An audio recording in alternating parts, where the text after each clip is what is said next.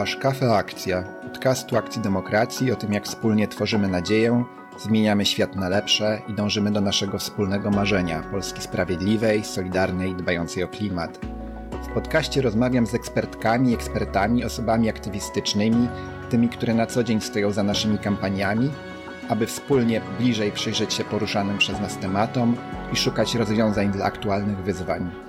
Ja nazywam się Piotr Cykowski i zapraszam Cię do wysłuchania rozmowy.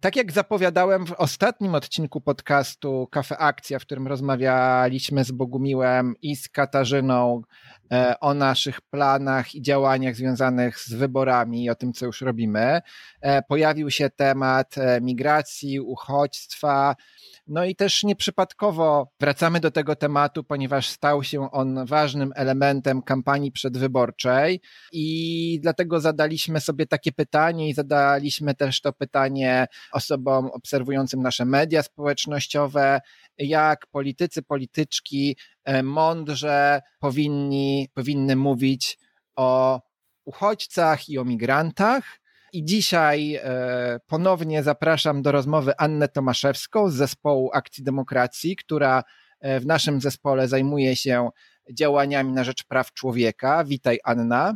Dzień dobry.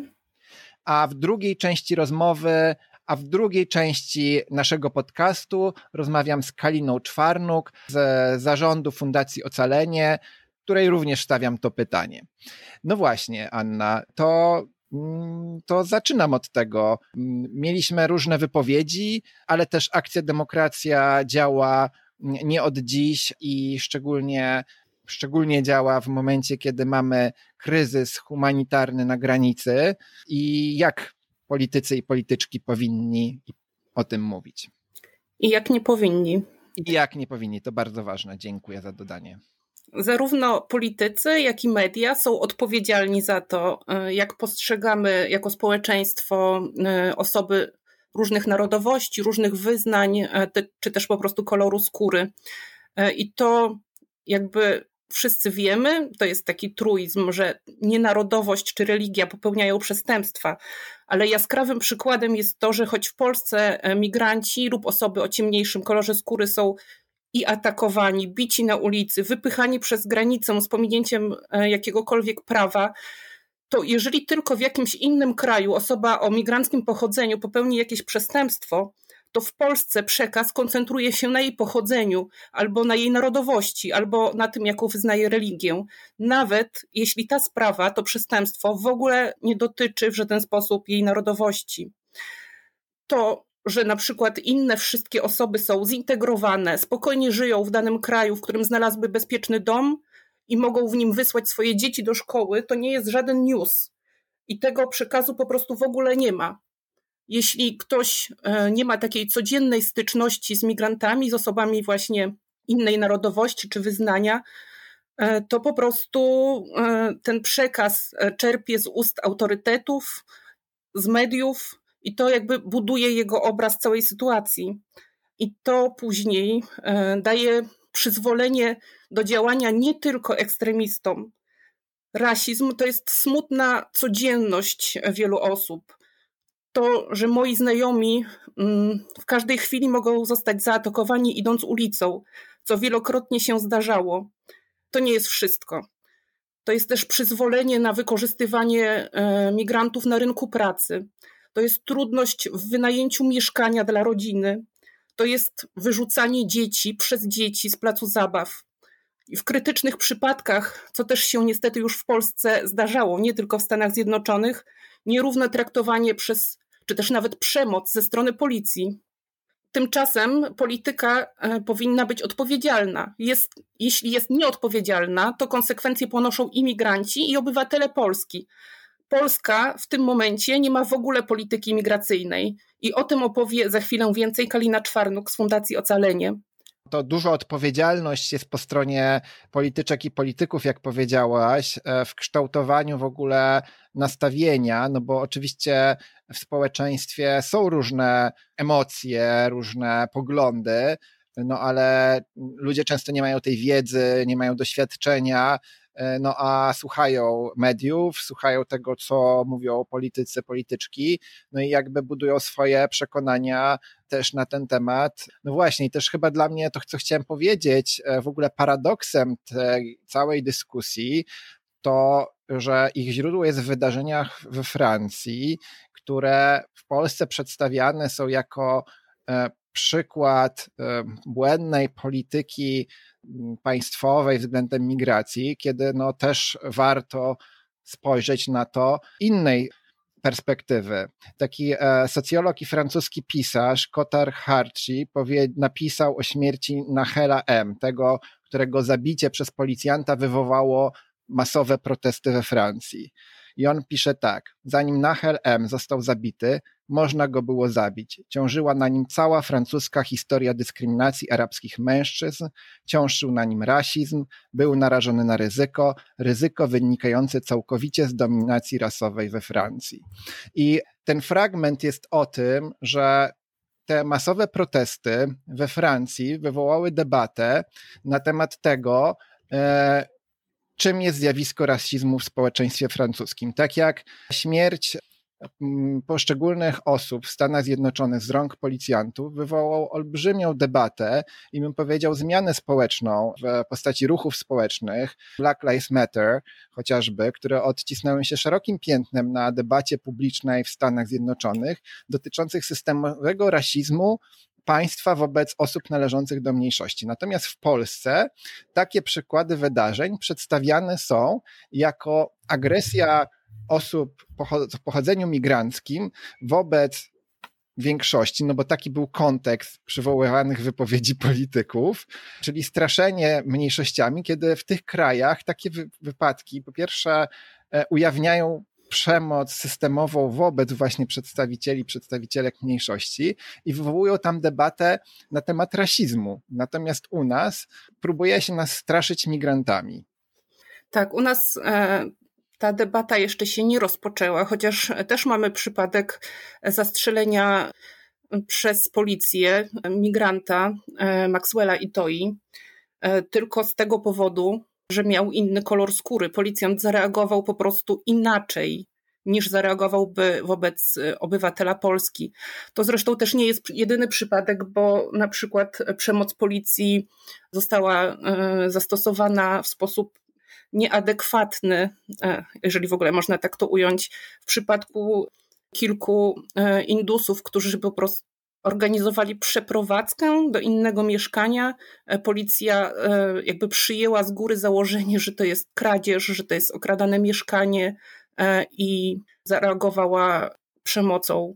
U nas ta debata się nie rozpoczęła i te przypadki w ogóle jakby przez szeroką opinię publiczną nie są odnotowywane. Dostrzegamy pewne ekstremalne przypadki, łatwo nam je zrozumieć, ale takich wielu przaśnych, codziennych nie dostrzegamy. W naszym kraju e, prezydent e, potrafi sobie żartować z czarnych osób. Nam jest ten rasizm podawany po prostu taki ugotowany na miękko i trudno go w codziennym życiu zauważyć. Zauważają go osoby, których e, ten problem po prostu dotyczy. No i chyba najbardziej skrajnym przejawem, który jest powtarzany, ale który bardzo trudno jednak o nim opowiedzieć, jakby żeby dotarł, no to jest e, ta sytuacja zróżnicowania osób na granicy, tak? E, na granicy polsko-ukraińskiej i polsko-białoruskiej.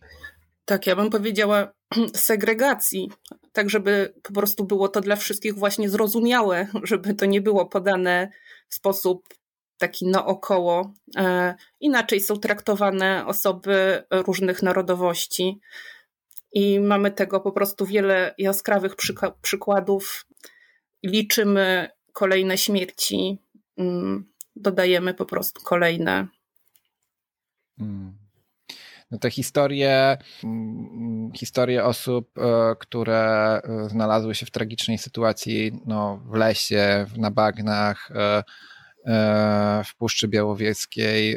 My je znamy i no i dla mnie to cały czas pytanie jest takie, jakich my, mm, jakichś zachęt dla polityków, którzy chcą słuchać, z którymi możemy rozmawiać, jak ich zapraszać do tej dyskusji, no bo wiemy, że to jest dla nich bardzo trudny temat, bardzo go unikają obecnie, a jeżeli już e, do niego nawiązują, no to wpisując się niestety w, w taką retorykę budowania strachu. Może znasz jakiś dobry przykład mówienia o migrantach, migra, migracji, uchodźcach, e, który jest w debacie publicznej, albo taki, który byś chciała usłyszeć?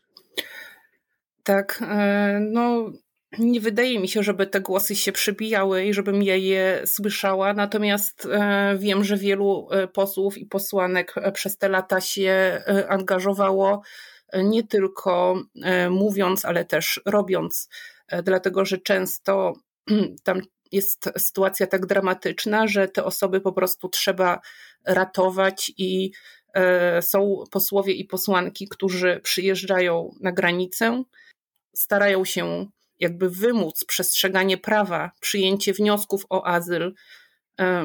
Jednak w tym momencie mm, doprowadzono do takiej sytuacji, że nic już nie działa.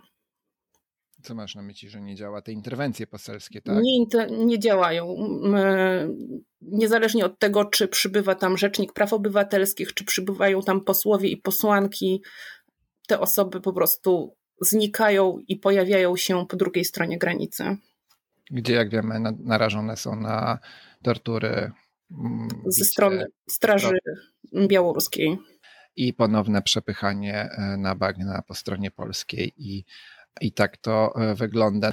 Z tej rozmowy wynika, że e, dużą lekcję do odrobienia mamy my wszyscy, mm, żeby, mm, żeby rozmawiać na ten temat.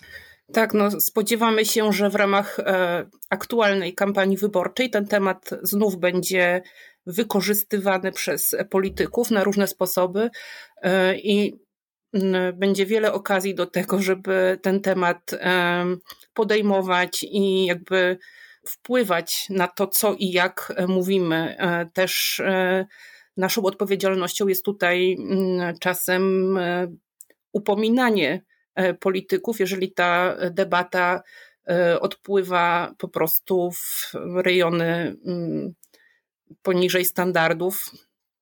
Jako ruch Akcji Demokracji też te działania przeciw łamaniu praw migrantów E, podejmujemy od lat. E, przede wszystkim właśnie teraz w sprawie kryzysu humanitarnego na granicy polsko-białoruskiej już e, sprzeciwialiśmy się przeciwko ustanowieniu tej zamkniętej strefy na Podlasiu, która uderzała zarówno w uchodźców, jak i po prostu w mieszkańców, którzy nie mogli z niej swobodnie wyjechać, wjechać. Ich rodziny miały zakaz po prostu wjechania, jeżeli nie były tam zameldowane.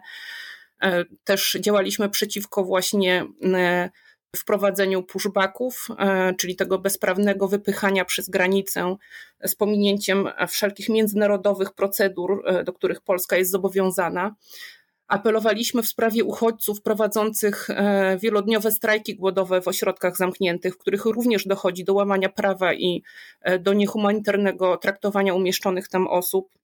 I w trakcie tych działań E, wiele osób zadaje mi różne pytania, ponieważ e, jakby ten przekaz, e, który do nich dociera, często jest mylący albo niezrozumiały.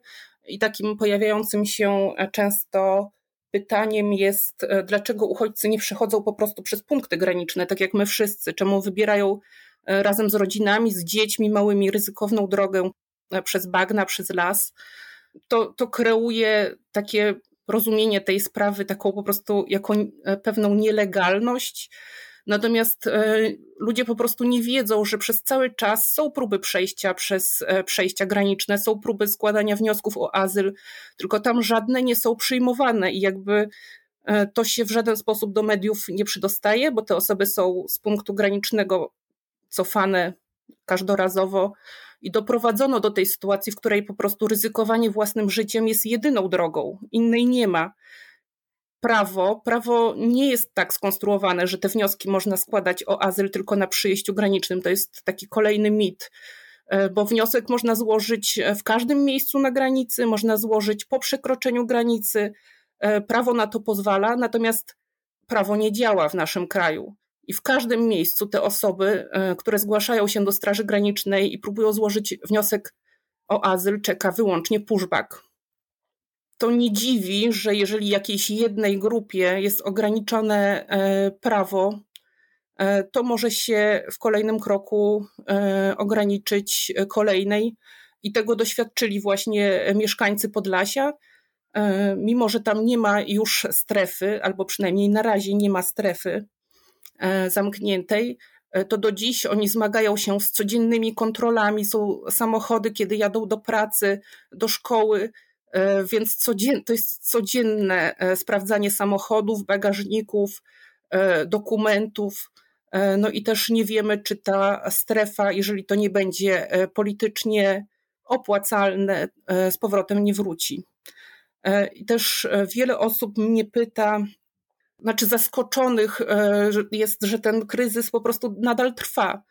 Osoby podpisują nasze apele, wspierają nasze akcje, bo są zaskoczone, że jakby nic do tej pory od usnaża, czyli od września 2021 roku, tam się nic nie zmieniło ta sytuacja po prostu utrwaliła się i e, mur, który tam postawiono, w ogóle nie działa. Mam nadzieję, że nasz ruch będzie zawsze stał za osobami, wobec których stosowana jest systemowa przemoc i nierówność. Także jeżeli właśnie jest nam podawana tak na miękko i nawet kiedy W stanęło do góry dnem i udaje, że jest M. Piękna metafora i chyba bardzo Ci za to dziękuję, bo E, wydaje mi się, że to jest ważne do podkreślania, e, co powiedziałaś, że no to jak, jak zgadzamy się, żeby traktowane były grupy osób najsłabszych, do takich należą e, uchodźcy, no bo znajdują się w zupełnie obcym miejscu, nie znający języka, zmuszeni radzić sobie z zupełnie nową sytuacją, uciekający często E, przed naprawdę strasznymi sytuacjami, jak wojna, o tym też mówi Kalina e, w dalszej części e, podcastu, skąd te osoby trafiają, warto też sobie po, poczytać na ten temat. No to to jak jako społeczeństwo reagujemy na, na, na sytuację tych osób i przyzwalamy na, no chociażby na takie słowa polityków, Mm, no to ma przełożenie na to później, jak, e, jakie prawa ma, ma, ma większość, tak? E, jak łatwo je później e, ograniczać, wycofywać, zmieniać konstytucyjnie czy niekonstytucyjnie, zgodnie z prawem czy nie, ale to budzi takie przyzwolenie na, na to przesuwanie, to gdzie jest jakiś standard. Z drugiej strony chyba chcę, chcę powiedzieć też, że no, że jakieś tak wyrazić po pierwsze ogromny, e, mm, ogromny szacunek dla Twojej pracy, bo może wszystkie osoby nie wiedzą, że chociaż bez tej wiedzy, wczytywania się w te trudne raporty o sytuacji, często mierzenie się z takim poczuciem, no to też e, rozmawiamy w zespole akcji, co robić w takiej, no poczucie, że niewiele da się zrobić, e, że niewiele możemy zrobić poza nagłaśnianiem, poza, poza próbą drążenia, poza próbą reagowania, że sytuacja jest naprawdę dramatyczna, a ludzie umierają umierają na granicy.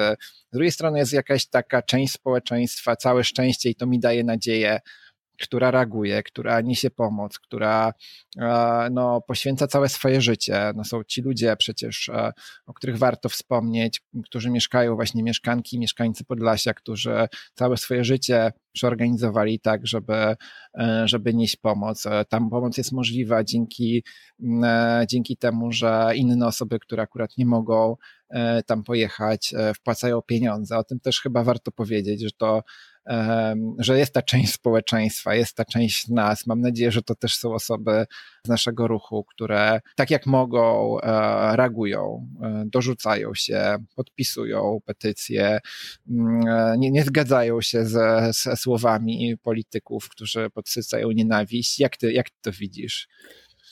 To jest bardzo proste. W tym momencie wszystkie te osoby po prostu ratują życie. Tych śmierci byłoby dużo więcej, gdyby nie te działania. E, to jest po prostu ratowanie życia. Chyba tym e, zakończę, ponieważ nasze odcinki doty dotykają życia, więc bardzo Ci, Ania, dziękuję za Twoją po prostu mm, pracę w takim wyjątkowym obszarze. Dwa odcinki temu mówiliśmy o śmierci kobiet w szpitalach w wyniku łamania prawa. Dzisiaj rozmawiamy o o kryzysie humanitarnym na granicy, ale też w dalszej części naszej rozmowy o tym w ogóle, jak szerzej na to patrzeć. Właśnie dajemy też rady i politykom, i polityczkom, ale też osobom, z którymi będą z nimi rozmawiały, jak, jak jakiego języka używać, ale też o co, o co pytać polityków i polityczki. Bardzo Ci dziękuję. Dziękuję. Tej części podcastu rozmawiam z Kaliną Czwarnuk, członkinią zarządu Fundacji Ocalenie. Witaj Kalina. Dzień dobry. E, I będziemy odpowiadać na to pytanie, jak e, politycy i polityczki powinni mądrze mówić o grantach i uchodźcach. No ale może właśnie zacznijmy e, od tego, jak w ogóle, o kim mówimy, no bo przecież imigranci, imigrantki i osoby migranckie, osoby z doświadczeniem migracji i uchodźstwa. Więc chyba moje pierwsze pytanie kieruję do ciebie o tym, jak w ogóle o kim mówimy i jak warto mówić, a żeby też jeszcze e, skorzystać z tego, że zadaliśmy pytania osobom przed podcastem, to przywołam e, taką jedną e, z definicji, którą zaproponował Marian z Facebooka, który po, napisał, że uchodźcą jest osoba jedynie z kraju sąsiedniego ogarniętego wojną, tych trzeba wpuścić bez ograniczeń, czas określony. Więc pytanie, o kim, o kim mówimy?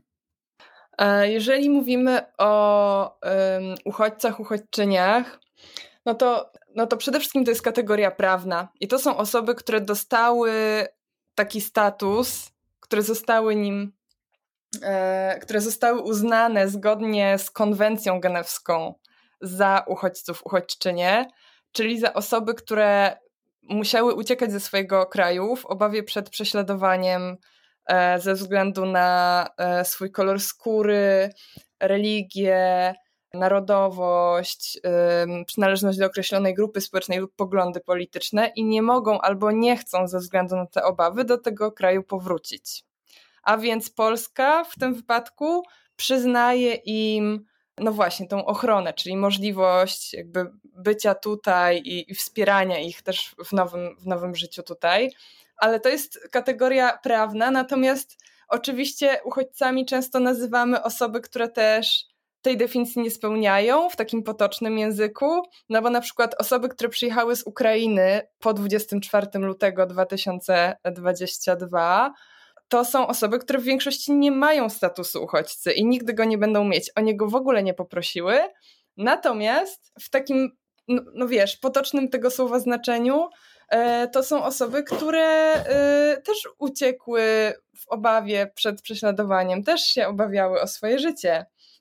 E, także one mają ochronę tymczasową przyznaną na terenie Unii Europejskiej, ale ja nie uważam, że to jest błędne, jeżeli osobę, która uciekła przed wojną w Ukrainie, nazwiemy uchodźcą.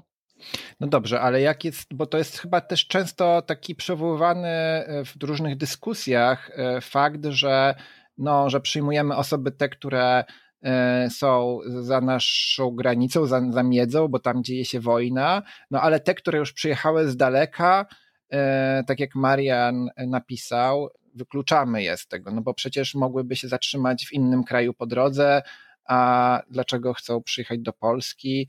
E, no właśnie, czy, to, czy ta kwestia, skąd one przyjeżdżają, ma znaczenie, powinna mieć znaczenie?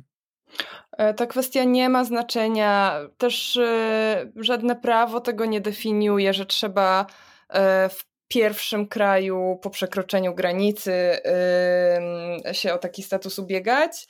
Mamy co prawda na terenie Unii Europejskiej osobne przepisy i rzeczywiście teoria jest taka, że w pierwszym kraju Schengen, do którego osoba wjechała, to powinna zostać i o tą ochronę prosić i całą tą procedurę przebyć. Natomiast jeżeli osoba ucieka z Afganistanu, to nie jest tak, że ona musi koniecznie w Iranie czy w Pakistanie zostać i nie może już pojechać do Europy i poprosić tutaj e, o status uchodźcy. Nigdzie żadne prawo o tym nie mówi. No i jeszcze myślę o takiej kategorii osób, które e, no właśnie, kim są osoby w lesie, które chciałyby wystąpić o, o ochronę międzynarodową do rządu polskiego, ale im się tego odmawia. Jak, jak, jak one kategorie wpadają. No tak, jeżeli byśmy rozmawiali, rozmawiały tutaj o tym, kim są właśnie tak patrząc, wiesz, kodeksowo, no to, e, no to to są po prostu osoby z nieuregulowanym pobytem. Natomiast w praktyce to są w większości rzeczywiście osoby z doświadczeniem uchodźczym, tak? One uciekają e, ze względu na obawę przed jakimś, wiesz, zagrożeniem ze strony czy państwa swojego, czy, czy innego, no bo uciekają przed wojną, e, na przykład Jemeńczycy znowu, dla mnie to nie jest błąd. My, my jako, wiesz, ocalenie po prostu mówimy o tych osobach, że to są ludzie z doświad- osoby z doświadczeniem uchodźczym. Mi się wydaje, że tu mm, ważne jest to, ja to, to, trochę tak prowokacyjnie zadałem to pytanie, bo wiemy, że te osoby po pierwsze odmawia im się prawa złożenia wniosku o ochronę międzynarodową. Widzieliśmy te zdjęcia z kartkami, tak, kiedy proszą o, że są uchodźcami, że proszą o ochronę. Historia z Brześcia, gdzie odmawiano im e, e, nadania statusu, gdzie od, od, nie, nie dopuszczano prawników, prawniczek, rzecznika praw obywatelskich i tak dalej, więc jakby to ja to specjalnie pytam, bo, bo po pierwsze często jest taka narracja, niech pójdą na przejście graniczne. Wiemy, że to nic nie daje, że te osoby po prostu nie jest im e, umożliwiane nadanie e, ochrony poprzez złożenie wniosku, po prostu się go nie widzi jakby tego wniosku, więc jakby się nie widzi tych osób. Na no tak. druga chyba ważna kwestia, żeby tutaj postawić tą kropkę nad i, te osoby znalazły się w kraju, e, jakim jest Białoruś, gdzie mamy szereg po prostu już e, dowodów na to, że są poddawane torturom, nieludzkiemu traktowaniu i tak samo im grozi śmierć. Nieważne już nawet skąd one przybyły, ale przez sam fakt, że stały się w takiej sytuacji i my ich jakby jako polskie państwo, rząd i Straż Graniczna wypychamy i nie udzielamy tej pomocy, to one przez to już same ich życie i zdrowie e, jest zagrożone. Tak ja to przynajmniej rozumiem. Tak, tak. No i wiesz, e, z jednej strony Polska przyznaje statusy uchodźcy e, osobom pochodzącym z Białorusi co roku. To jest dosyć duża grupa no bo, e, bo rzeczywiście no, białoruski reżim jest po prostu bardzo niebezpieczny i brutalny. A z drugiej strony, choć mamy setki, jeśli nie tysiące relacji świadczących o przemocy ze strony białoruskich służb wobec osób w lesie, to z jakiegoś powodu Polska jako państwo uznaje, że dla tych osób Białoruś to jest państwo bezpieczne. Nie ma problemu z tym, żeby one tam, e, żeby one tam zostały odesłane. I jest to dla mnie no, jak, jakaś hipokryzja zupełna. No ale jesteś w stanie nazwać ten powód, przynajmniej domysł, z jakiego powodu bo to wisi na końcu, wiesz, języka, że tak powiem, powiedzenie, dlaczego niektórym mm, osobom polski rząd decyduje się pomagać, a innym nie. Tak, jestem w stanie to nazwać. Y, nie mam problemu z y, powiedzeniem, że no, polski rząd y, po prostu jest rasistowski w, w tych swoich działaniach. Wiesz, Syryjczycy, do, do dziś w Syrii Rosja ostrzeliwuje miasta. E, ta sama Rosja, która ostrzeliwuje miasta ukraińskie z jakiegoś powodu. Ukraińcy są u nas mile widziani, a Syryjczyków wypycha się brutalnie, bije się ich, okrada i, i nie przyjmuje od nich wniosków o ochronę międzynarodową, więc e, choć uciekają często przed dokładnie tymi samymi pociskami, więc jak dla mnie mm, tak jak ja to widzę, też po wiesz, prawie dwóch latach na granicy białoruskiej, nie ma innego powodu niż rasizm. Hmm. No dobrze, a to jeszcze wróciłbym do języka. E, mm, jak tak modelowo możemy mówić już, pomijając kwestie prawne, definicje, e, takim progresywnym językiem, żeby mm, osobom, które znajdują się w bardzo trudnej sytuacji, jakby no, próbować nadać tą podmiotowość, e, uznać ich istnienie i uznać ich jakby zróżnicowaną sytuację, jak powinniśmy mówić o osobach, e, właśnie osobach uchodźczych? Czy ten język będzie zrozumiały? my staramy się mówić o osobach z doświadczeniem uchodźczym, nie o uchodźcach, uchodźczyniach, no bo to jest kategoria prawna i ktoś mógłby powiedzieć, że to jest niekonkretne, nie? Że, że, że zbyt szeroko tą definicję stosujemy. E, a, e, a osoby z doświadczeniem uchodźczym, e, no bo też uznajemy, że mm, to uchodźstwo to nie jest coś, co definiuje osoby jako jedyna rzecz, że to jest rzeczywiście jakaś tam część ich życia, jak, jakieś doświadczenie, coś, co przeżyły, ale są jakby du kimś dużo więcej niż tylko uchodźcami, więc, e, więc e, dlatego my mówimy osoby z doświadczeniem uchodźczym. Albo z doświadczeniem migracji, no bo to jest, y, to jest podobna zasada, tylko że no, tutaj już też nam wpadają osoby, które nie wiem, przyjeżdżają do pracy, na studia, nie wiem, do żony, męża, nie, nie musiały uciekać, nie zostały zmuszone do wyjazdu, tylko po prostu przeniosły się gdzieś. Mm, a kim są ci nielegalni migranci, o których mówi premier na forum europejskim? E, nie wiem, co myśli premier. E, no, my wychodzimy z takiego punktu, że nie ma nielegalnych ludzi. Może być nielegalny powód, może być jakiś nielegalny czyn. Nie wiem, jak ktoś na przykład podrobi dokument, no to, to, to jest nielegalne, tak? Ale człowiek jako taki, jako istota ludzka, nie może być nielegalna albo legalna. Także mm, ja bym chyba nie chciała wchodzić w głowę pana premiera. To mogłoby się źle skończyć. Słuchaj, bo też zadaliśmy pytanie osobom e, w mediach społecznościowych właśnie o, o te kwestie e, i jedna z osób na Instagramie e, napisała tak.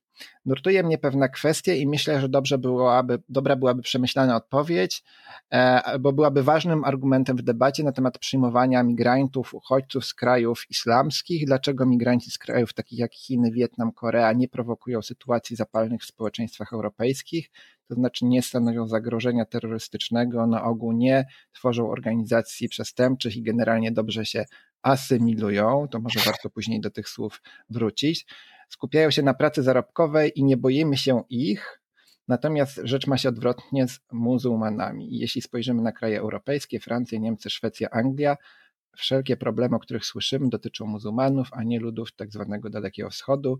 Czy jedni są przez nas traktowani lepiej od drugich, dlatego nie zwracają się ku przemocy, czy może po prostu system wartości jest tak dalece odmienny od naszego, że niezależnie od przyjętych strategii będziemy musieli się przygotowywać na konfrontację z nimi. No, e, to pytanie oczywiście zawiera e, trochę ukrytych tez, ale wydaje mi się, że ono gdzieś wisi też w powietrzu, że, że e, no też podsycana jest taka e, narracja e, związana z, mm, szczególnie ostatnio, z krajami pochodzenia i z nawiązywaniem do różnych aktów przemocy, tak, i to jeszcze jakby, to, że to jest jeden z powodów, tak, budowanie naszego nastawienia, ale faktycznie, faktycznie jest tak, tak w debacie i też można się zastanawiać, czy, czy to jest tak, że Mm, no nie wiem, że osoby z różnych regionów świata różnie e, się mogą odnajdywać w, w Polsce na przykład, czy to jest właśnie jednak budowane pewne nastawienie wobec różnych grup e, i granie nim cynicznie przez e, polityków, polityczki, jakby bazując na strachu. Wiadomo, że to taki instynkt, do którego łatwo się odwoływać po to, żeby budować swój kapitał polityczny. Jak ty do tego podchodzisz? Wiesz co, ja przede wszystkim myślę, że to nie chodzi o wyznanie, yy, tylko raczej, yy, znaczy inaczej. Chodzi o stereotypowe wyznanie, a czy o wyznanie faktycznie to nie byłabym tego taka pewna, no bo spójrz, największym krajem muzułmańskim na świecie jest Indonezja. To jest jednak kraj, powiedziałabym, Azja, tak, południowo-wschodnia. A nie sądzę, żeby, y, żeby osoba pisząca ten komentarz myślała w swojej wypowiedzi o osobach wyznających islam w kontekście na przykład właśnie Indonezji czy Malezji, nie? Więc ja bym raczej tutaj y, dookreśliła, choć oczywiście mogę się tylko domyślać, bo to nie ja pisałam ten komentarz, że to chodzi o osoby pochodzące z Bliskiego Wschodu, Azji Centralnej, być może także chodzi o osoby z krajów afrykańskich, muzułmańskich, czy tam, gdzie jest większość muzułmańska. Mm, więc to jest jedna rzecz. I, I teraz tak, przed zamachami 11 września myślę, że dosyć mało słyszeliśmy, słyszałyśmy o tym, jakoby tak źle się integrowały osoby z, z tych regionów, o których wspominałam, czy, czy właśnie jakichś aktach przemocy. To przynajmniej w takiej masowej świadomości zdaje się, że zaczęło się dopiero właśnie po, mm, po zamachach na World Trade Center, e, po inwazji na Irak, po inwazji na Afganistan i też po ogromnej fali islamofobii, która przewinęła się przez no, tak zwane kraje zachodnie. Islamofobii, a więc też przemocy nieumotywowanej, dyskryminacji wszelkiego rodzaju. E, I tak naprawdę każda społeczność, e, każda większa grupa e, migrancka E, jeżeli mm, będzie atakowana, jeżeli będzie wobec niej stosowana przemoc, dyskryminacja, uprzedzenia, no to może wpaść w, mm, w marginalizację i mogą się w niej tworzyć, wiesz, na zasadzie takiego właśnie backlashu, mm, jakieś takie mechanizmy bardzo typowe dla grup marginalizowanych, czyli właśnie ta przestępczość, e, to bycie antypaństwowym, E, I to, I to niezależnie zupełnie od wyznania, czy wiesz, etniczności danej grupy. To e, wróćmy do tych pojęć e, mhm. integracja, asymilacja, bo ja też słyszę i zastanawiam się, jak politycy używają czasem wymiennie tych pojęć, czasem nie wiem, czy też czy świadomie, czy nieświadomie to może podpowiedzmy im, o czym powinni mówić y, mm, i w ogóle jak powinno się mówić o tym procesie, no jakiejś rozumiem, no właśnie o czym? O obecności osób, e, które przyjechały z, e, na przykład osoby z doświadczeniem uchodźczym, które tutaj e, no, muszą zamieszkać w Polsce, muszą się odnaleźć i, i jak ten proces nazwać? Wiesz co, w ogóle tak. Ja myślę, że są cztery pojęcia, o których warto powiedzieć. Mhm. E, bo kanadyjski psycholog społeczny John Berry badał społeczności właśnie e, osób przyjeżdżających, nowo przybyłych i to, jak się adaptowały, czy adaptują, jakie strategie obierały. John Berry stwierdził, oczywiście to będzie uproszczenie, e, to jak ja to opowiem, stwierdził, że osoba, która przyjeżdża do nowego kraju, zadaje sobie najczęściej, bardziej lub mniej świadomie oczywiście, dwa pytania czy chcę zachować swoją kulturę, kulturę, z której pochodzę, i czy chcę przyjąć, nauczyć się przyjąć kulturę nowego kraju, do którego przyjechałam. Jeżeli na te, e, jeżeli stwierdzam, że nie chcę już swojej starej kultury, e, chcę, czyli na to pierwsze pytanie odpowiadam nie, nie chcę, nie chcę w ogóle z nią zostawać, chcę ją odrzucić, ale chcę przyjąć kulturę kraju, do którego przyjechałam, chcę być stuprocentową Polką. Od dzisiaj nie jestem już Białorusinką, od dzisiaj jestem tylko i wyłącznie Polką. Oczywiście to nie jest realne, żeby to zrobić tak o, co nie, bo to jest jakaś bardzo długa praca do wykonania i czasami w pierwszym pokoleniu w ogóle to jest niemożliwe. No ale wyobrażam sobie, że są osoby, które na przykład właśnie uciekają przed represjami, powiedzmy na przykład ze względu na religię właśnie, która jest opresyjna, bardzo mocno związana z kulturą, albo ze względu na tożsamość psychoseksualną, mhm. która jest jakby opresyjna w, danej, w danym kraju, też w związku z jakimś e, dominującym wyznaniem i no, tym całym tyglem kulturowym jednak gdzieś indziej na świecie, no to ona chce tutaj przyjąć, wyobrażam sobie, że są takie osoby, które chcą przyjąć tak. E, zachodnie wzorce, bo czują tutaj powiew wolności i możliwości mhm. w realizacji swoich praw, tak? Tak, tak. Jeżeli taki, e, jeżeli taki scenariusz się uda, no to wtedy mamy do czynienia z asymilacją, czyli takim stuprocentowym wejściem w nową kulturę, odrzuceniem starej. E, natomiast e, taki scenariusz może się udać tylko wtedy, kiedy to nowe społeczeństwo też uznaje tą naszą strategię, to znaczy mówi: tak, możesz być Polką. Możesz być Polką. Jeżeli chcesz, jakby zrobisz, nie wiem, jak będziesz żyła według jakichś tam zasad, które tutaj obowiązują, no to my ciebie też uznamy za Polkę. Natomiast jeżeli społeczeństwo powie ci, nie, nie ma czegoś takiego jak czarna Polka, albo nie ma czegoś takiego jak Polka muzułmanka, ty nigdy nie będziesz Polką, no to może zdarzyć się sytuacja, w której nie mam, jakby odrzuciłam swoją starą kulturę, a nowa kultura mnie odrzuca, więc nie mogę się do niej, jakby nie mogę się w nią włączyć.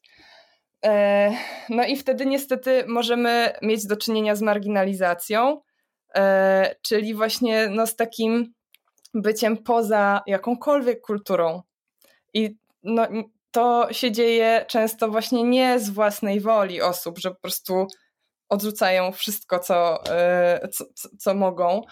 E, na to przykładem e, do dziś czasem jeszcze są osoby pochodzące ze społeczności romskiej, które PRL, władze PRL-u przymusowo zaczęły osiedlać, nie? Zatrzymywały tabory i przymusowo po prostu osiedlały tych ludzi.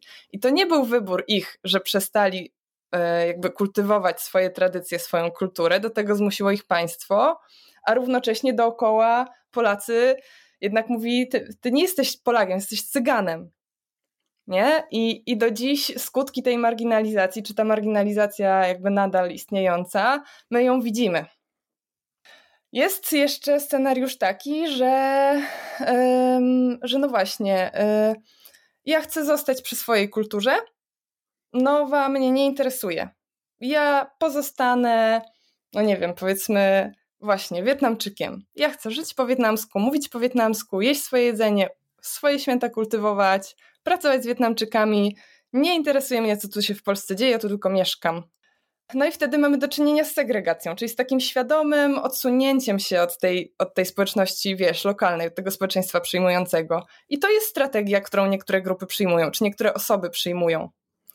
No i jest czwarta opcja, czyli na dwa te pytania mówimy tak, tak chcę zachować swoją kulturę, z której pochodzę, i tak chcę przyjąć kulturę nową. I to jest sytuacja, w której, e, jak badania Berego dowodzą, osoba jest narażona na najmniejszy stres i wiąże się z największym poczuciem bezpieczeństwa, i to się właśnie nazywa integracja. To znaczy, ja jestem w stanie w sobie zmieścić te dwie kultury, połączyć je na swój własny sposób tak, żeby móc się bezpiecznie obracać w obu tych środowiskach naraz, albo żeby się one we mnie jakoś miksowały, e, jestem w stanie poruszać się w tych obu kontekstach, w dwóch albo i więcej, bo czasami mogą osoby mieć więcej niż jedną kulturę w sobie, tak? No i to jest taki stan, do którego też naszym zdaniem, moim osobiście zdaniem, państwo powinno dążyć. To znaczy, zmuszanie osoby do wykorzeniania się, do tej asymilacji, może być przemocowe e, i może się skończyć tak jak w wypadku tych osiedlanych Romów. Mhm. E, a jeżeli po prostu damy osobie możliwość nauczenia się tej kultury, e, do której przyjeżdża, damy jej warunki do tego, że tak, możesz być Polakiem, bo na przykład bycie Polakiem to jest mówienie po polsku i przestrzeganie polskiego prawa. Hmm? E, możesz być Polakiem, pomimo tego, że jesteś czarna, pomimo tego, że właśnie e, jesteś buddystką, pomimo tego, że jesteś Arabką, e, to tak długo jak będziesz przestrzegała naszych zasad, będziesz mówiła po polsku, będziesz mogła być Polką. To jest mm, sytuacja, do której my uważamy, że powinniśmy, powinniśmy dążyć, e, no bo jest najbezpieczniejsza dla obu stron i mhm. dla społeczeństwa przyjmującego, które zyskuje no właśnie nowego obywatela, obywatelkę który, który jakoś tam no, e, dostosował się, dostosowała do, do zasad tutaj. E, no i dla tych nowo przybyłych osób, które właśnie bezpiecznie mogą po prostu uczestniczyć w życiu społecznym, realizować jakieś, wiesz, też po prostu swoje rzeczy, nie? Te, na którym e, im zależy, bez rezygnacji, bez jakby straty jakiejś swojej części tożsamości. Czyli podsumowując, mówimy o polityce integracji, a nie asymilacji, mimo że rozumiem, że tak jak podałem przykłady, mogą być osoby, które chcą się zasymilować, jakby ich, ich, ich, ich decyzja, natomiast jakby z, Polityka integracyjna, wiesz, nie, nie zabrania nikomu się zasymilować. Rozumiem, ale jakby z perspektywy też jakby takiej spójności społecznej i właśnie redukowania tych napięć, e, nie, nie wywoływania poczucia marginalizacji, która z kolei może prowadzić do przemocy, czy jakieś postawienia negatywnych zjawisk, ta polityka integracji jakby jest dla obu stron najbardziej E, korzystna. Tak mhm, przynajmniej tak. rozumiem, więc rada dla polityków, którzy chcą mądrze mówić o osobach z doświadczeniem uchodźczym, czy o osobach, które migrują, to jest mówienie o polityce integracji. E, no oczywiście też... Mhm. Jeżeli jeszcze mogę coś dodać, no to to jest, um, myślę, że dla, dla polityków naszych dzisiaj, którzy lubią, wiesz, używać tej, narra tej narracji strachu, e, mówić o tym, że ktoś tutaj, wiesz, kulturowo nas będzie zmieniał i tak dalej, i tak dalej, no to to e, przerzucenie się na taką narrację, że, o, że chcemy, żeby osoby się integrowały, może być trudne, bo integracja jest procesem dwustronnym. Nie można kogoś wziąć za fraki i go zintegrować, czy jej, bo integracja polega na tym, że osoba, która przyjeżdża, wykonuje jakąś pracę, ale też jakąś pracę wykonuje to społeczeństwo, do którego osoba przyjechała. Nie? Że my się musimy też trochę czasami posunąć na swoim miejscu albo wytłumaczyć coś komuś, albo, no nie wiem, mieć cierpliwość, żeby osoba się zdążyła czegoś nauczyć. To jest, yy, no od nas też to czegoś wymaga. No i tutaj myślę, że są politycy, którzy mieliby problem z przyznaniem, że hmm, musimy wydać pieniądze na programy integracyjne. Nie?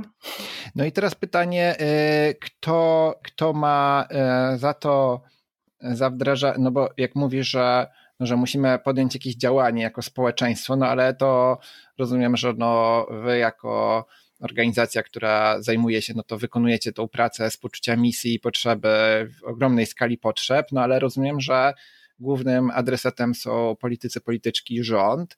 E, I e, tutaj chyba przejdę teraz do mm, tego, że no jednak ta, te, ten temat pojawia się w debacie.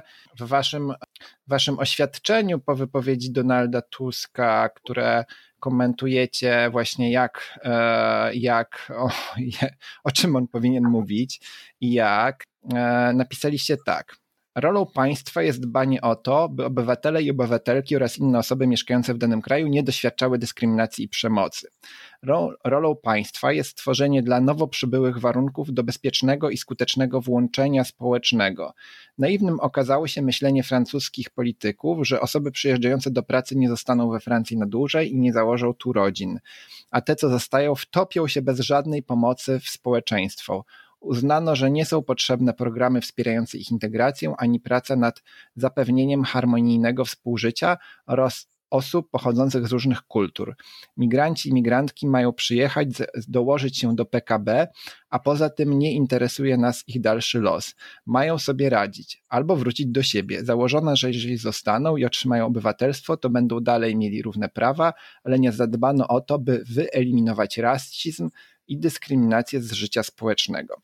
I wy w waszym oświadczeniu mówicie o tym, że y, no, jeden z głównych polityków odwołał się do przykładu z Francji, no i jakby y, jest to krytyczne, mm, krytyczne spojrzenie na to, jak sytuacja w Francji, rozumiem, że doprowadziła do mm, do rasizmu, który z kolei y, doprowadził do aktu przemocy przez policjanta wobec, e, wobec osoby e, z migranckim pochodzeniem, co z kolei e, przerodziło się w falę brutalnych protestów, czy też jak mówimy zamieszek, no bo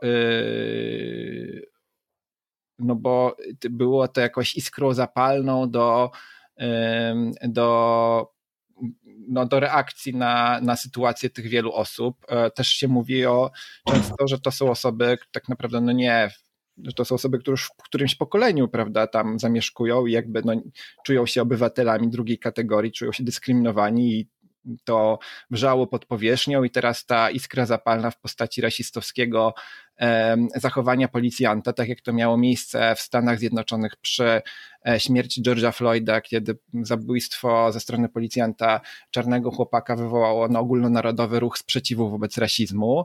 E, no ale piszecie o sytuacji we Francji, że ona nie działa, że ona wyszła z założenia, że ludzie przyjadą, e, będą zarabiać i jakoś to będzie. No a jeśli spojrzeć we własne podwórko, to co? To jak oni mają mówić o tym, co ma być w Polsce? Na szczęście mamy kupę przykładów bardziej lub mniej udanej polityki społecznej, na których moglibyśmy jako państwo mogłybyśmy się uczyć. Nie? Ale z Polski? E, nie, nie z Polski, ale z krajów zachodnich, w których te same jakby mechanizmy jakoś tam zadziałały. My jesteśmy, my je trochę gonimy, tak? I, i, no i dziś mamy społeczeństwo starzejące się. Potrzebujemy po prostu, nasza gospodarka, tak jak gospodarki krajów leżących bardziej na zachód czy na północ, e, już, nie wiem, powiedzmy 50 lat temu były w tej sytuacji, my jesteśmy w niej dzisiaj, że po prostu bardzo pilnie potrzebujemy osób, które wejdą na rynek pracy już teraz. Nie, nie, nie, nie urodzą się z programów, mm, wiesz, tutaj wspierających dzietność Polek, tylko już w tej chwili zaczną wchodzić na rynek pracy, dokładać się do PKB i tak dalej, i tak dalej, i tak dalej to, to, że na przykład Niemcy w latach 70. wobec Turków takie myślenie stosowali, że no przyjadą, popracują, a potem wrócą do domów, więc nie musimy za bardzo tam, wiesz, y, pracować z nimi. No było to myślenie bardzo naiwne. Dlaczego osoba mieszkająca gdzieś 20 lat miałaby się potem z tego kraju wyprowadzać, skoro, jest właści- skoro na przykład mieszka w tym kraju jakby większą połowę, większą część swojego życia, nie? E, I, e, no i w Polsce dzieje się i będzie się działo dokładnie to samo. Mm, więc zamiast dokładnie powtarzać te błędy, które kraje zachodnie popełniły i na których się i, i których rezultaty no, zbierają często do dzisiaj, no to my moglibyśmy trochę bardziej odpowiedzialnie przygotować się do tego zadania, które przed nami stoi i które już jakby jest bardzo pilne, tak? To się już dzieje. Te setki tysięcy osób, o których mówił Donald Tusk, to jest fakt. E, do Polski przyjeżdża najwięcej osób z krajów tak zwanych trzecich, czyli spoza Unii Europejskiej, ze wszystkich krajów Unii. Mhm. Więc ta jedna chyba rzecz, tylko jedyna z wypowiedzi Donalda Tuska, rzeczywiście to jest coś, z czym ja się zgadzam, to, to się już dzieje, tym się trzeba zająć. Właśnie, żeby, żeby nie było tych problemów, o których, którymi politycy nas straszą. Mhm. Wiemy, że ich e, po prostu potrzebujemy, migrantów, e, na masową skalę do tego, żeby polska gospodarka nie, nie utonęła, że tak powiem. Mhm. E, I zdaje się, że, no, że cała ta, ta awantura jest o to, że po prostu nikt nie chce na ten temat głośno głośno powiedzieć. Tak jeszcze, mm, mhm. jeszcze dodam a propos, a propos tego, kto się integruje, czy komu jest trudniej, czy łatwiej. Wiesz, myślę, że wszyscy znamy y, osoby, które wyjechały z Polski, na przykład mhm. nie wiem, do Irlandii, do Wielkiej Brytanii i, i i Polacy tworzą nawet takie zamknięte społeczności. Chodzą do polskiego kościoła, do polskiego sklepu, pracują z Polakami i na przykład niespecjalnie znają niemiecki albo no właśnie angielski. E, więc to nie, jest, to nie jest kwestia tego, jak daleko są jakieś dwie kultury od siebie, albo że ktoś jest, no właśnie, innego wyznania. To nawet potrafią tak bliskie społeczności, tak kulturowo, nie? W, ten sposób funkcjonować. No tak, ale teraz czytam w wiadomościach, że nawet taki postępowy kraj jak Holandia, że tam jednak też ten spór o migrantów i jakby to rząd upada, bo, bo, bo, ten temat jest takim, no nie tylko w Polsce w, w debacie, ale generalnie w Europie, e, no ważnym tematem po prostu. No też, też, też trzeba pamiętać, że z tym z czym mierzy się Polska. No, jest może w Polsce też no, stosunkowo nowym zjawiskiem w ogóle, że osoby o różnym pochodzeniu pojawiły się na ulicach polskich miast. Jeszcze jak się pojedzie gdzieś do mniejszych miejscowości, to raczej też niekoniecznie. Teraz język ukraiński się pojawił, więc też się mówiło w kontekście e, przyjęcia przez, e, przez Polki i Polaków e, osoby z Ukrainy, że to też taki dla nas no, duży zastrzyk wielokulturowości, której po prostu e, zostaliśmy pozbawieni w wyniku II wojny światowej, zmiany granic, Holokaustu i tak dalej, więc jakby trochę musimy się tego jako społeczeństwo nauczyć, ale z drugiej strony ten temat budzi emocje e, i cały czas zastanawiam się, że mając tą świadomość, że on budzi takie społeczne emocje, no nie tylko w Polsce, to właśnie jak, jak politycy pierwszego rzędu, którzy wypowiadają się w mediach, no powinni, jeżeli są o to do tego prowokowani też przez jakieś nieodpowiedzialne wypowiedzi innych polityków, jak oni powinni po prostu mądrze, mądrze, no już trochę o tym mówiłaś, ale jakby tak takie, takie najważniejsze wskazówki, gdybyś mogła dać, e, jak powinni mądrze mówić, tak? No nie wiem, dzieją się e, zamieszki we Francji, które w tle mają e, podłoże rasistowskie, no i rozumiem, że są pytani, czy też prowokowani do wypowiadania się i, jakie główne rzeczy powinni e, mówić do polskiego społeczeństwa w tej sprawie. No przede wszystkim nie straszyć, tak? Nie straszyć, nie wzbudzać y, jeszcze większych uprzedzeń, bo, bo to nie jest w ogóle merytoryczna dyskusja wtedy. To jest działanie jakieś populistyczne zupełnie i nie zbliża nas absolutnie do żadnego sensownego rozwiązania i, i do jakiejkolwiek dyskusji, z której moglibyśmy, mogłybyśmy wyjść, wiesz, z jakimiś rozwiązaniami, nie? Więc, więc ja mam duży problem z tym, na jakim poziomie w ogóle ta dyskusja w Polsce jest prowadzona lub na jakim nie jest. więc no właśnie, myślę, że, że dobrze by wszystkim zrobiło, żebyśmy trochę szczerze ze sobą porozmawiali, tak? Czy porozmawiały. To znaczy, potrzebujemy w Polsce osób spoza naszego kraju. Potrzebuje ich nasza gospodarka.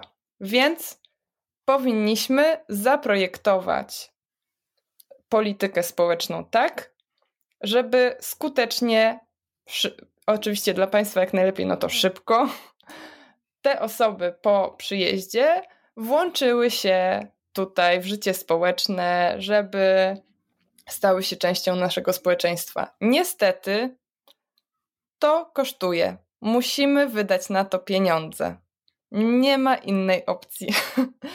I, yy, I myślę, że to jest taki punkt bardzo, yy, wiesz, newralgiczny, którego mhm. osoby yy, ze świata polityki no, boją się dotknąć. No ale innej opcji nie ma, nie? Więc jakby po prostu porozmawiajmy ze sobą szczerze, że wydatki dzisiejsze na włączenie społeczne osób, które tutaj będą przyjeżdżały, bardziej nam się opłacają niż późniejsze ewentualne wydatki, jeżeli teraz ich nie poniesiemy. Znaczy, jeżeli dziś nie pomożemy osobom tutaj szybko włączać się w społeczeństwo, to później będziemy mieć na głowie różne problemy społeczne, czy właśnie osoby marginalizowane, czy jakąś, nie wiem, przestępczość na przykład, tak? Która będzie nas kosztować dużo więcej niż skuteczna polityka integracyjna. I tylko, że niestety, no to jest, wiesz, to jest niestety choroba chyba w ogóle polityków i polityczek naszych, że to wymagałoby myślenia dalszego niż na kolejne wybory. To jest myślenie w perspektywie 10, 30, 50 lat a mhm. y, nawet w tematach powiedzmy, które oni uważają za bardziej priorytetowe, mam wrażenie, że tego myślenia brakuje, więc y, niestety, no, ja nie jestem optymistką, że do takiej dyskusji u nas rzeczywiście dojdzie.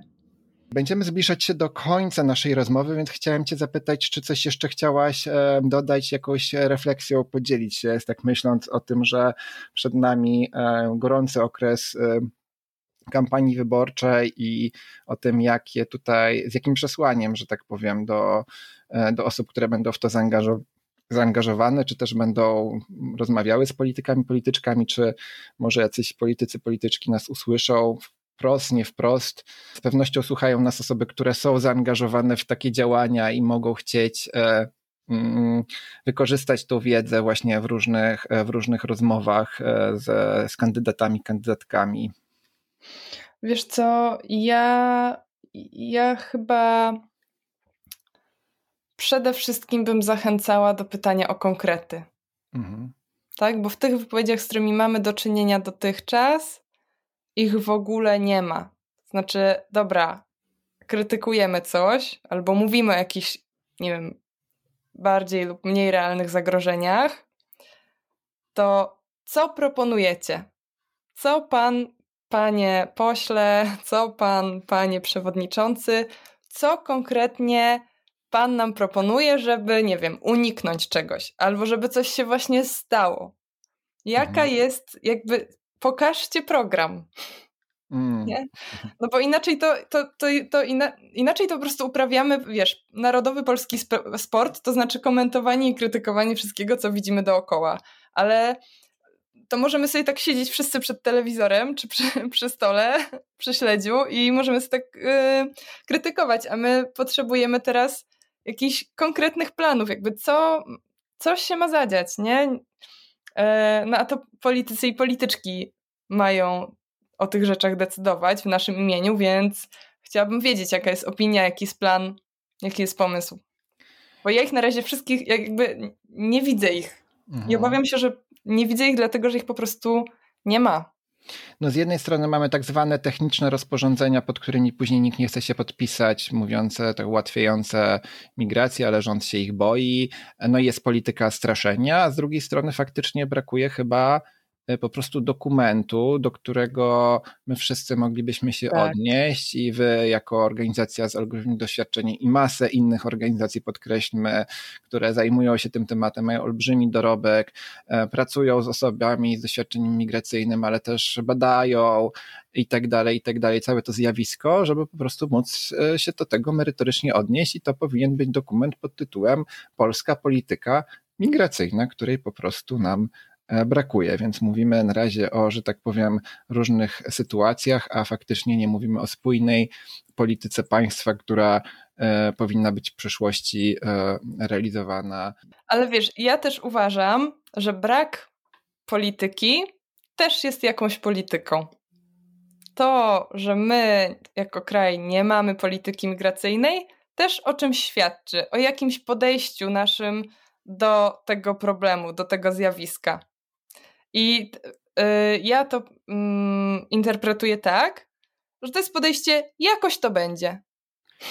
No to jest podejście, Jakoś sobie muszą poradzić.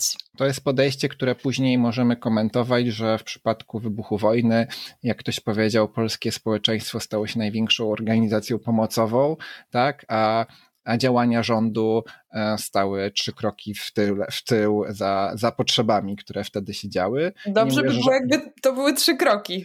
Okej, okay. i nie mówię, że rząd nic nie zrobił, ale jakby e, pamiętamy tamte czasy dokładnie e, i gdyby taki dokument był z pewnością dużo łatwiej byłoby wszystkim zająć odpowiednie pozycje i po prostu działać, a nie rozglądać się dookoła i liczyć na to, że tak, władze państwowe wykonają tutaj jakiś ruch, albo przynajmniej wiedzieć, czego można się spodziewać. Dobrze, ale już nie wracajmy do przeszłości. Wiemy, że e, podsumowując, potrzebna nam jest taka polityka, potrzebny nam jest dokument już teraz w trakcie kampanii, żeby móc się po prostu do niego merytorycznie odnieść, a nie mówić o, o jakichś zjawiskach z innych krajów na podstawie wydarzeń, które też trzeba rozumieć i trzeba rozumieć kontekst.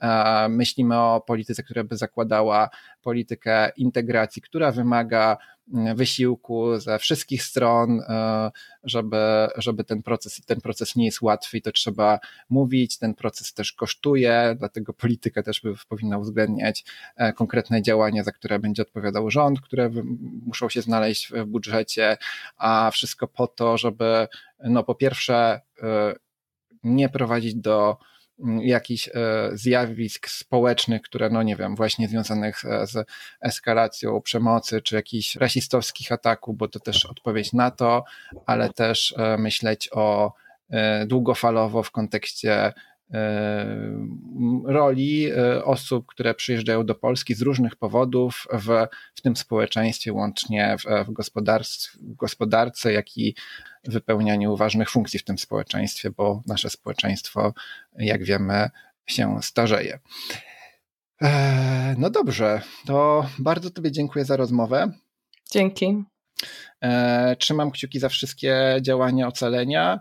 E, link do strony e, ocalenia i o tym, co robi fundacja, można znaleźć w opisie naszego E, podcastu. Też na koniec dodam, powinienem powiedzieć wcześniej, że jako Akcja Demokracja mamy przykład fajnych współprac w przeszłości w kontekście działania na rzecz konkretnych na przykład rodzin, które, e, którym udało nam się nawet e, z tego co pamiętam pomóc uzyskać tutaj papiery, żeby mogły zostać i jakby patrzymy na to, co robicie, trzymamy kciuki i dziękuję za też możliwość skorzystania z waszego doświadczenia E, w tej rozmowie i mm, mam nadzieję, że e, uda nam się to przesłanie jakoś przekazać politykom i polityczkom.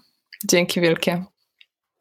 Czy o osobach, które migrują, to jest mówienie o polityce integracji. E, no oczywiście tym, też... Jeżeli jeszcze mogę coś dodać, no to to jest, um, myślę, że dla, dla polityków naszych dzisiaj, którzy lubią, wiesz, używać tej narracji, tej narracji strachu, e, mówić o tym, że ktoś tutaj, wiesz, kulturowo nas będzie zmieniał i tak dalej, i tak dalej, no to to e, przerzucenie się na taką narrację, że, że chcemy, żeby osoby się integrowały, może być trudne, bo integracja jest procesem dwustronnym. Nie można kogoś wziąć za fraki i go zintegrować, czy jej, bo integracja polega na tym, że osoba, która przyjeżdża, wykonuje jakąś pracę, ale też jakąś pracę wykonuje to społeczeństwo, do którego osoba przyjechała. Nie? Że my się musimy też trochę czasami posunąć na swoim miejscu, albo wytłumaczyć coś komuś, yy, albo, no nie wiem, mieć cierpliwość, żeby osoba się zdążyła czegoś nauczyć. To jest, yy, no od nas też to czegoś wymaga. No i tutaj myślę, że są politycy, którzy mieliby problem z przyznaniem, że hmm, musimy wydać pieniądze na programy integracyjne. Nie? No i teraz pytanie, y, kto, kto ma y, za to za wdraża, no bo jak mówisz, że, że musimy podjąć jakieś działanie jako społeczeństwo, no ale to rozumiem, że no wy jako organizacja, która zajmuje się, no to wykonujecie tą pracę z poczucia misji i potrzeby, w ogromnej skali potrzeb, no ale rozumiem, że głównym adresatem są politycy, polityczki, rząd. E, I e, tutaj chyba przejdę teraz do mm, tego, że no jednak ta, te, ten temat pojawia się w debacie. W waszym, waszym oświadczeniu po wypowiedzi Donalda Tuska, które komentujecie właśnie jak, e, jak o, o czym on powinien mówić i jak, e, napisaliście tak. Rolą państwa jest dbanie o to, by obywatele i obywatelki oraz inne osoby mieszkające w danym kraju nie doświadczały dyskryminacji i przemocy. Rolą państwa jest stworzenie dla nowo przybyłych warunków do bezpiecznego i skutecznego włączenia społecznego. Naiwnym okazało się myślenie francuskich polityków, że osoby przyjeżdżające do pracy nie zostaną we Francji na dłużej i nie założą tu rodzin, a te, co zostają, wtopią się bez żadnej pomocy w społeczeństwo uznano, że nie są potrzebne programy wspierające ich integrację ani praca nad zapewnieniem harmonijnego współżycia oraz osób pochodzących z różnych kultur. Migranci i migrantki mają przyjechać, dołożyć się do PKB, a poza tym nie interesuje nas ich dalszy los. Mają sobie radzić albo wrócić do siebie. Założono, że jeżeli zostaną i otrzymają obywatelstwo, to będą dalej mieli równe prawa, ale nie zadbano o to, by wyeliminować rasizm, i dyskryminację z życia społecznego. I wy w waszym oświadczeniu mówicie o tym, że y, no, jeden z głównych polityków odwołał się do przykładu z Francji, no i jakby y, jest to krytyczne, krytyczne spojrzenie na to, jak sytuacja w Francji, rozumiem, że doprowadziła do, do rasizmu, który z kolei y, doprowadził do aktu przemocy przez policjanta wobec, e, wobec osoby e, z migranckim pochodzeniem, co z kolei e, przerodziło się w falę brutalnych protestów, czy też jak mówimy zamieszek, no bo no bo było to jakąś iskrą zapalną do, do, no do reakcji na, na sytuację tych wielu osób. E, też się mówi o często, że to są osoby tak naprawdę no nie że to są osoby, które już w którymś pokoleniu, prawda, tam zamieszkują i jakby no, czują się obywatelami drugiej kategorii, czują się dyskryminowani i to wrzało pod powierzchnią i teraz ta iskra zapalna w postaci rasistowskiego zachowania policjanta, tak jak to miało miejsce w Stanach Zjednoczonych przy e, śmierci George'a Floyda, kiedy zabójstwo ze strony policjanta czarnego chłopaka wywołało no, ogólnonarodowy ruch sprzeciwu wobec rasizmu. E, no ale piszecie o sytuacji we Francji, że ona nie działa, że ona wyszła z założenia, że ludzie przyjadą, będą zarabiać i jakoś to będzie. No a jeśli spojrzeć we własne podwórko, to co? To jak oni mają mówić o tym, co ma być w Polsce? Na szczęście mamy kupę przykładów bardziej lub mniej udanej polityki społecznej, na których moglibyśmy jako państwo mogłybyśmy się uczyć. Nie? Ale z Polski? E, nie, nie z Polski, ale z krajów zachodnich, w których te same jakby mechanizmy jakoś tam zadziałały. My jesteśmy, my je trochę gonimy, tak? I, i, no i dziś mamy społeczeństwo starzejące się.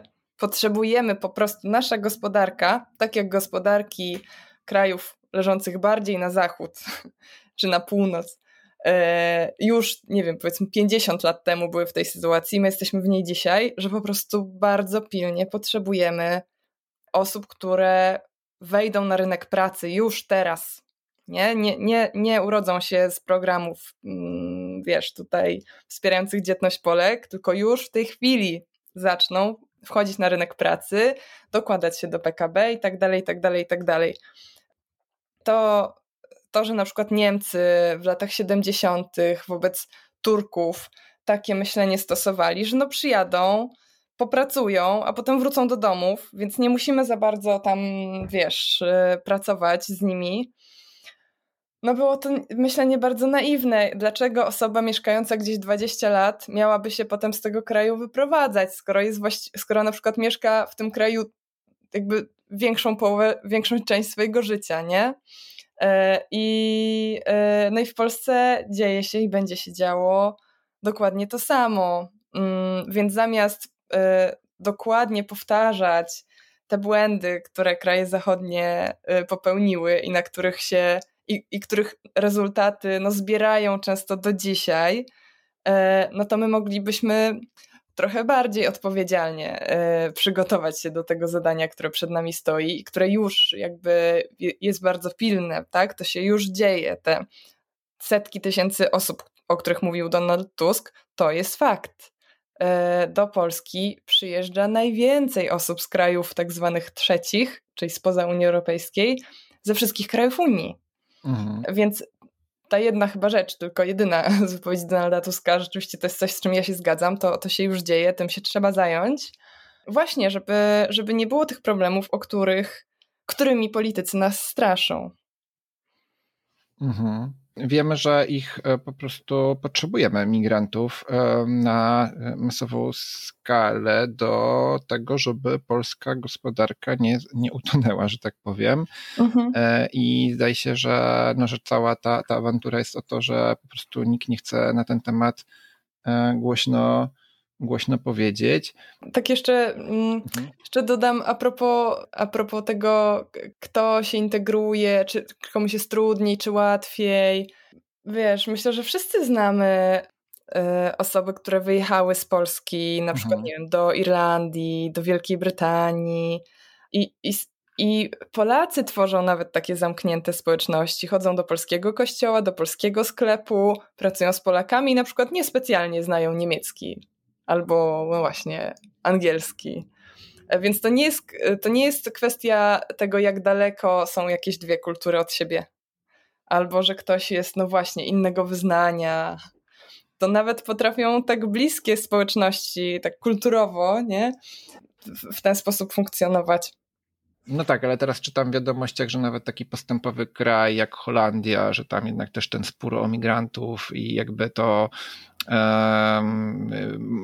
rząd upada, bo, bo, bo, ten temat jest takim, no nie tylko w Polsce w, w debacie, ale generalnie w Europie, e, no ważnym tematem po prostu. No też, też, też trzeba pamiętać, że z tym z czym mierzy się Polska, no, jest może w Polsce też no, stosunkowo nowym zjawiskiem w ogóle, że osoby o różnym pochodzeniu pojawiły się na ulicach polskich miast, jeszcze jak się pojedzie gdzieś do mniejszych miejscowości, to raczej też niekoniecznie. Teraz język ukraiński się pojawił, więc też się mówiło w kontekście e, przyjęcia przez, e, przez Polki i Polaków e, osoby z Ukrainy, że to też taki dla nas no, duży zastrzyk wielokulturowości, której po prostu e, zostaliśmy pozbawieni w wyniku II wojny światowej, zmiany granic, Holokaustu i tak dalej, więc jakby trochę musimy się tego jako społeczeństwo nauczyć, ale z drugiej strony ten temat budzi emocje e, i cały czas zastanawiam się, że mając tą świadomość, że on budzi takie społeczne emocje, no nie tylko w Polsce,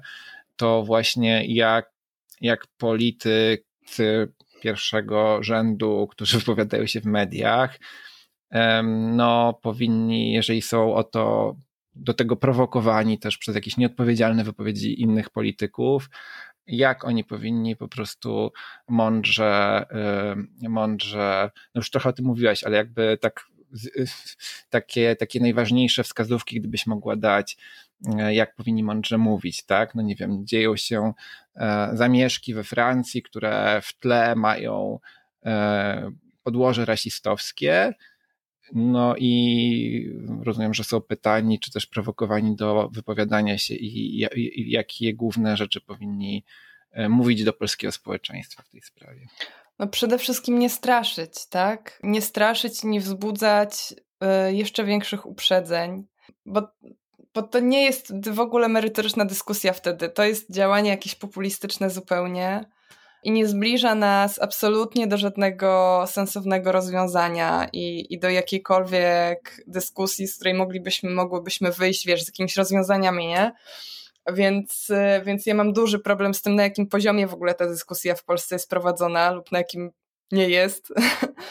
więc no właśnie, myślę, że, że dobrze by wszystkim zrobiło, żebyśmy trochę szczerze ze sobą porozmawiali, tak? Czy porozmawiały. To znaczy, potrzebujemy w Polsce osób spoza naszego kraju. Potrzebuje ich nasza gospodarka. Więc powinniśmy zaprojektować politykę społeczną tak, żeby skutecznie, oczywiście dla Państwa jak najlepiej, no to szybko, te osoby po przyjeździe włączyły się tutaj w życie społeczne, żeby stały się częścią naszego społeczeństwa. Niestety to kosztuje. Musimy wydać na to pieniądze. Nie ma innej opcji. I, yy, I myślę, że to jest taki punkt bardzo, yy, wiesz, newralgiczny, którego mhm. osoby yy, ze świata polityki no, boją się dotknąć. No ale innej opcji nie ma, nie? Więc jakby po prostu porozmawiajmy ze sobą szczerze, że wydatki dzisiejsze na włączenie społeczne osób, które tutaj będą przyjeżdżały, bardziej nam się opłacają niż późniejsze ewentualne wydatki, jeżeli teraz ich nie poniesiemy. Znaczy, jeżeli dziś nie pomożemy osobom tutaj szybko włączać się w społeczeństwo, to później będziemy mieć na głowie różne problemy społeczne, czy właśnie osoby marginalizowane, czy jakąś, nie wiem, przestępczość na przykład, tak? Która będzie nas kosztować dużo więcej niż skuteczna polityka integracyjna. I tylko, że niestety, no to jest, wiesz, to jest niestety choroba chyba w ogóle polityków i polityczek naszych, że to wymagałoby myślenia dalszego niż na kolejne wybory. To jest myślenie w perspektywie 10, 30, 50 lat. A mhm. y, nawet w tematach, powiedzmy, które oni uważają za bardziej priorytetowe, mam wrażenie, że tego myślenia brakuje, więc y, niestety, no, ja nie jestem optymistką, że do takiej dyskusji u nas rzeczywiście dojdzie.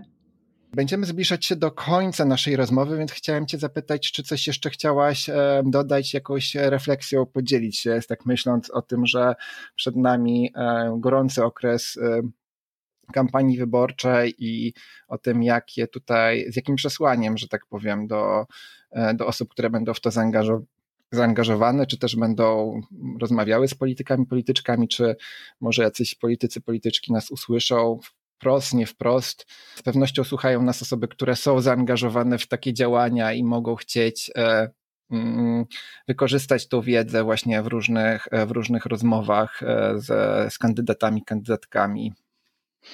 Wiesz co, ja, ja chyba przede wszystkim bym zachęcała do pytania o konkrety. Mhm. Tak, bo w tych wypowiedziach, z którymi mamy do czynienia dotychczas, ich w ogóle nie ma. Znaczy, dobra, krytykujemy coś, albo mówimy o jakichś, nie wiem, bardziej lub mniej realnych zagrożeniach, to co proponujecie? Co pan, panie pośle, co pan, panie przewodniczący, co konkretnie pan nam proponuje, żeby, nie wiem, uniknąć czegoś, albo żeby coś się właśnie stało. Jaka mhm. jest, jakby, pokażcie program. Mm. Nie? No bo inaczej to, to, to, to ina, inaczej to po prostu uprawiamy, wiesz, narodowy polski sport, to znaczy komentowanie i krytykowanie wszystkiego, co widzimy dookoła. Ale to możemy sobie tak siedzieć wszyscy przed telewizorem czy przy, przy stole, przy śledziu i możemy sobie tak yy, krytykować, a my potrzebujemy teraz jakichś konkretnych planów, jakby co, co się ma zadziać, nie? E, no a to politycy i polityczki mają o tych rzeczach decydować w naszym imieniu, więc chciałabym wiedzieć, jaka jest opinia, jaki jest plan, jaki jest pomysł. Bo ja ich na razie wszystkich jakby nie widzę ich. Mhm. I obawiam się, że nie widzę ich dlatego, że ich po prostu nie ma. No z jednej strony mamy tak zwane techniczne rozporządzenia, pod którymi później nikt nie chce się podpisać, mówiące tak ułatwiające migrację, ale rząd się ich boi.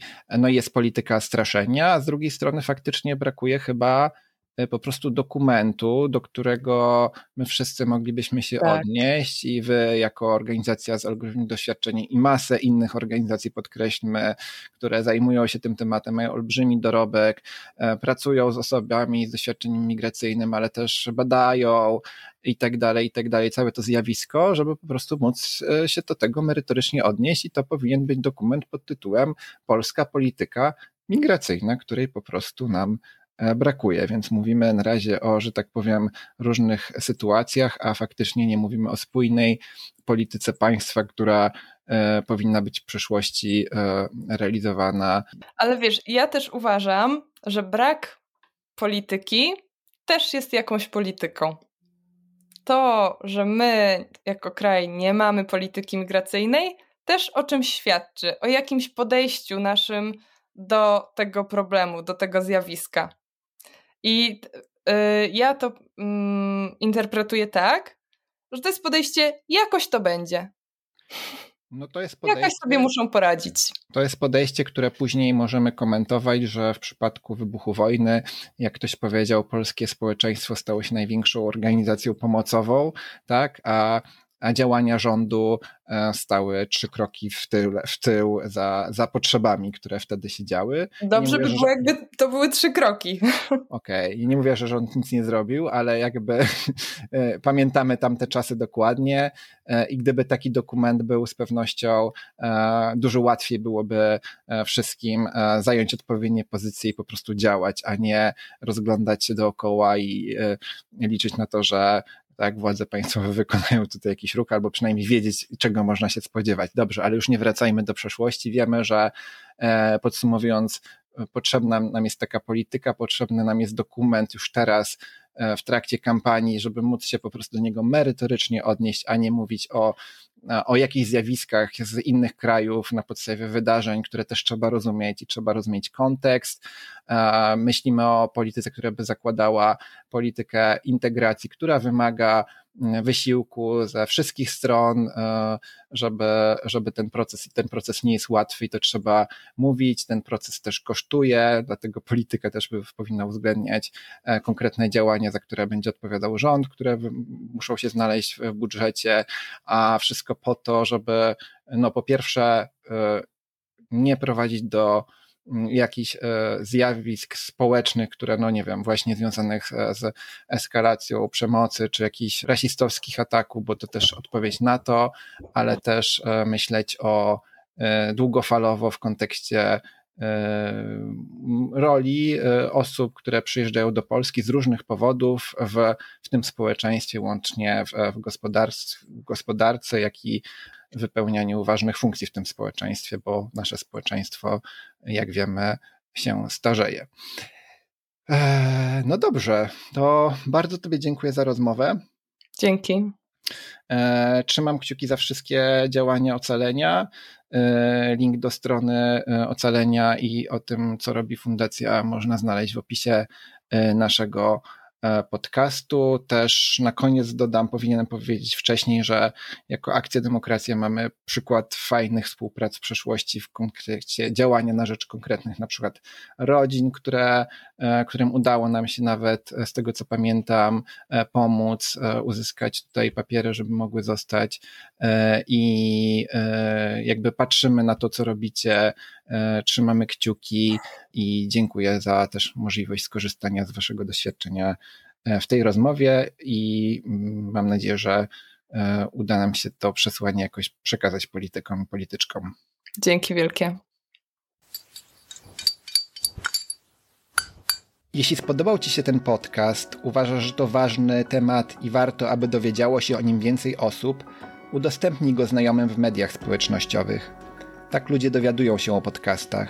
Dzięki Tobie więcej osób będzie mogło włączyć się w działania, aby zmieniać otaczającą nas rzeczywistość.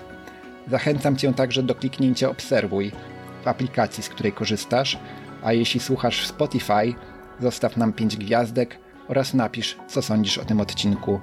Możesz też napisać do mnie na adres kontakt małpaakcjademokracja.pl wpisując podcast w tytule wiadomości. Nasz podcast i wiele innych działań Akcji Demokracji powstaje wyłącznie dzięki zaangażowaniu wielu osób, które wpłacają nam choćby niewielką kwotę.